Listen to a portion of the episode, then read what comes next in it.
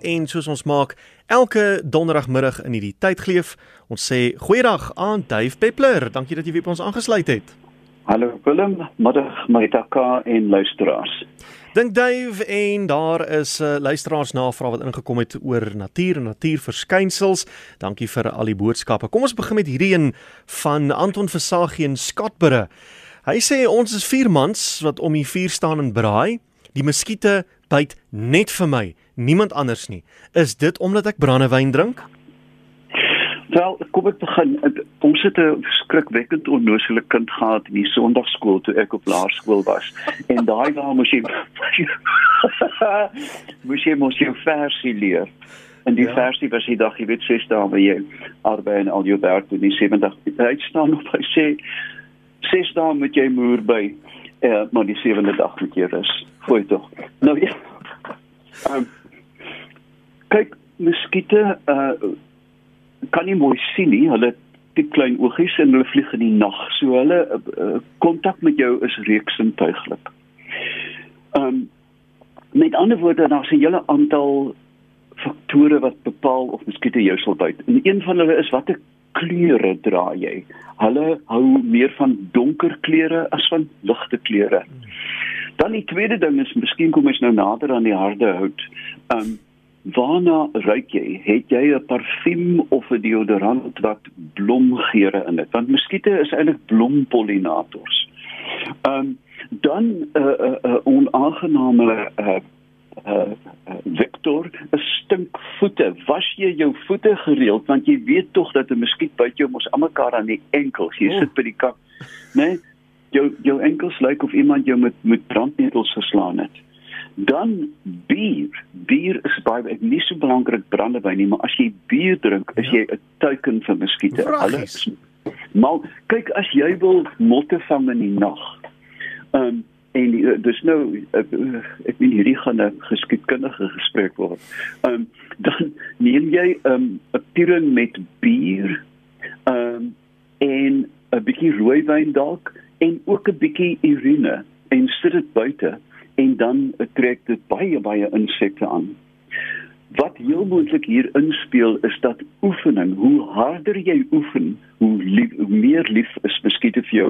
Jy het verhoogde bloedomvloed uh, uh, uh, bloed, bloed wat vir mens uh, omset, nê? Nee? Met ander woorde die bloedvate naby aan die oppervlakte is vergroot wat jy sweet.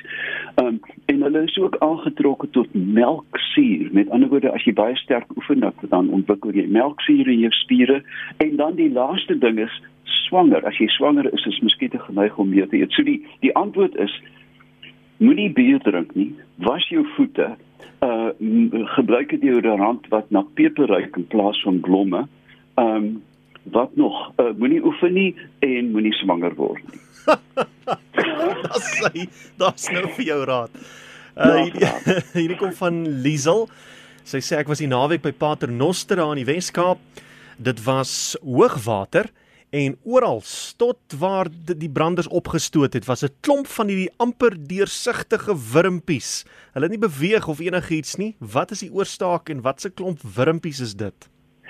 Ongenade, ek wil tog voorstel dat indien sy 'n foto geneem het dat sy dit na my webwerf stefplot.com stuur en dan kan ek die ding onder weet krities bekyk en vir haar antwoord uh, dan terugstuur. So ongelukkig ek ek het nie 'n idee wat ek weet daar is baie baie wurms in die see, maar ek weet nie wat spesifiek een nie. Ek het my dood gegril die een aand uh, nie ver van Paternoster af nie, Elandsbaai, daai omgewing. Het ons op die uh, in die aand die op die strand gaan stap en ek hoor ewe skielik hierdie kners kners onder my voete en jy skyn die liggie toe sit hierdie uh, ek het later gehoor dis noem dit seeluise. Hulle sit so onder die seewiere vas wat mense gesit nou 'n grillerige besigheid? Ja daar's sandhoppers en al sulke goed en hulle is natuurlik hulle staan bekend as detritus vreters met ander woorde die die fyn gemaalde bamboes en hmm. seegrasse en goed wat uitspoel is staan bekend as detritus. En daar's 'n hele suite van diere wat daarin leef. Onder andere hierdie sandvloeie beteken dit al jy stap bamboes op en is 'n ontploffing van goedjies wat ja, spring ja. so 'n foto asseblief Kom ons kyk nou hierdie een wat ingestuur is deur Janet van 'n Merwe in Randfontein. Hoe maak 'n houtkappertjie sy geluid? Is dit met sy tong of in sy keel of hoe wat se gebruik hy? Uh wel houtkappers maak twee geluide. Die een is natuurlik die gekap um, as hy sy sy nes maak, gat maak en ook insekte soek. Wat interessant is dat die die houtkapper se brein is totaal gebuffer met 'n dik laag vloeistof anders dan gaan hy hersenskudding kry van ja hulle daar is groot belangstelling in die brein van houtkappers om om veral in die mediese wêreld om te kyk met met veral met boksbeserings wat hulle kan doen om die skok van 'n slag teen die kop. En ook mense wat valhelms maak hmm. kyk gereeld na die brein van die houtkapper hoe hulle dit regkry om die brein te beskerm teen skokke. Maar dan soos alle ander voëls wat geluide maak, kanaries of wat ook al, het hulle 'n um, uh, 'n larynx waarin uh, met stembande uh, waarin die geluid gemaak word. So daar's twee geluide. Die een is die gekap en die ander een is natuurlik hulle kommunikasieroepe en territoriale roepe. Volgende vraag is van Susan in Richards Bay en sy sê hier by ons is 'n groterige perdeby. Hy grou 'n gaatjie in die grond, hy maak die grond nat want die grond wat uitkom is 'n nat bolletjies. Dan kom bære hy sy springkane in die gat. Uh, hoe sal jy hierdie verskynsel verklaar? Ja, dit is 'n dis 'n wesp. Nou die mees prominente gatgrawers met met prooi is die spinnekopwespe ek wil vir elkeen van hulle 'n klein medalje, 'n klein purple heart aan hulle borsies vaspen dat hulle die nou die spinnekoppe kan begrawe. Ehm um, maar dan is daar ook uh, van die spesies wat ander insekte begrawe. Wat hulle doen? Hulle verlam die insek slegs. Hulle maak hom glad nie dood nie. Met ander woorde, hulle sit hom onder narkose mhm. en dan grou hulle die gat, dra die die uh, lewende maar verlamde dier in die gat in en lê dan 'n eier op die lewende dier.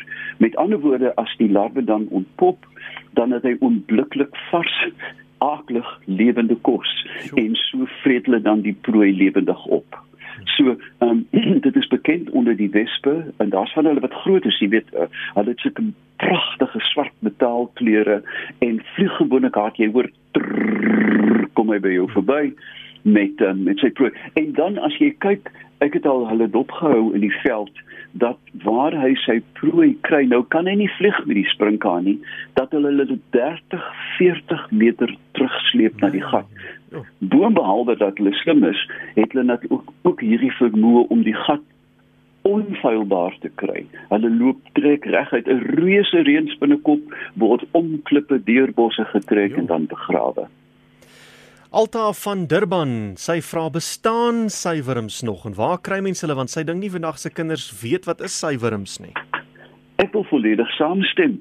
Jy weet, um, suiwerms toe toe ek 'n kind was in Robinson was dit 'n uh, die, die, die dit was soos albaster en kennetjie ja.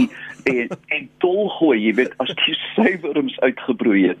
Um gewoonlik in 'n skoendoos is die eiers gelê en dan het hierdie piep klein wurmpies en dan moet jy natuurlik moerbyblare gaan pluk ja. en uh jy weet almal het arms gebreek en mense het jou met ketties geskiet soos jy die bome uitgeval het.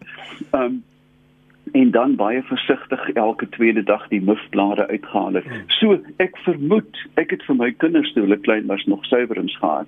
Ehm um, maar ek het nie ek kan nie daar is nie 'n suiwerum in nie of van is nou jy weet 'n uh, uh, suiwerum per kan dat aflewer nie. Maar ek dink mense moet 'n bietjie op die internet rondvra. Um, en ek is byna seker daar gaan iemand wees wat hulle nog aanhou. Hulle is interessante diere, weet jy, uh, Willem dat hulle ek dink vir meer as 8000 jaar in China reeds ehm um, uh, uh is dit 'n sy bedryf. Ehm um, en hulle is so verfyn en so geteel dat die meeste van die motte nie meer kan vlieg nie. Uh en net 'n laaste ding, ons in Afrika het 'n hele aantal suiwerms wat fabelagtige sy-materiaal kan produseer. Um, ek dink hulle is uh, van die Lasiocampidae uh uh gonomitra so dit is die ding se naam en um, ek het 'n vermoede dat as jy slim is kan jy werklik 'n wêreldkwaliteit um produk lewer uit eie bodem. Amanda vra 'n interessante ene Is dit moontlik dat honde autisties kan wees? Ek dink my labrador is, hy tree op soos 'n kind wat autisties is. Kyk, die probleem met diere is natuurlik enige dier. Uh, die die ou debakel om jag voel diere pyn. Ja, natuurlik voel hulle pyn. Uh, uh, uh, het hulle plesier aan iets? Lag 'n hond. Het emosie, ja. Is daar emosie? Ons kan dit eenvoudig nie bepaal nie. Ons kan spanning bepaal en ons kan pynvlakke bepaal deur hormonale vlakke te meet ek het 'n vriendin wat wat volhou dat sy 'n autistiese kat het. Nee. Nou ek moet met haar saamstem want dit is die mees beneekte kat op aarde, jy weet jy kan nie deurdring tot die ding nie. Nee. Ehm um, so ek sou dink dat ehm um, dat diere persoonlikhede het. Ons weet dit mos, jy weet 'n leeftyd van diere aanhou. Party honde is vrolik, ja. ander is uh, jy weet uh, uh, is, is maar meer adagio. Hulle wil nie eintlik baie speel met jou nie. So ek dink nie dit kan as outisme ehm um, beskryf word in in in in menslike terme, maar in die breë gesien wil ek glo dat diere ook emosionele karaktertrekke het. En so outisme is dalk moontlik, ek weet nie. Laaste vraag, dis van William in Stellenbosch. Hy sê 'n avokado boom, is dit een of twee slagtig? Is dit beter om meer as een boom te hê? Weet jy, as ek 'n nuwe loopbaan sou begin, dan gaan ek 'n avokado whisperer word. Die vader weet al, dit is een van die tergendste tuinvrae van almal. Uh, my oupa het altyd gesê hulle hou van uister en sê avokado bome het gelyk na uistervarke want hy het spykers in die ding goed ingeslaan. Um nou moet jy wie ek is nou op baie dun ys. Ek dink nie hulle is tweeslagtig nie, maar dat hulle wel baie baie uh, spesifieke voedingsstowwe wil hê. Mense sê my avokado peet daar nooit nie. En dan as jy 'n mengsel van spoorelemente uh, toedien binne 'n jaar het jy 'n boom vol vrugte, maar ek sal 'n bietjie moet gaan nalees. Miskien moet ek 'n avokado pos maak op my webwerf vanaand. Ja, ons het gepraat van daai webwerf davepeppler.com, né? Nee? Dis hy, dis die daar is ook 'n Facebook, maar dit is 'n bietjie meer lighartig. As jy 'n ernstige vraag het, dan gaan na davepeppler.com. Baie dankie Dave, ons maak volgende week weer so. Tot dan. Dave Peppler elke donderdagmiddag in Dink Dave.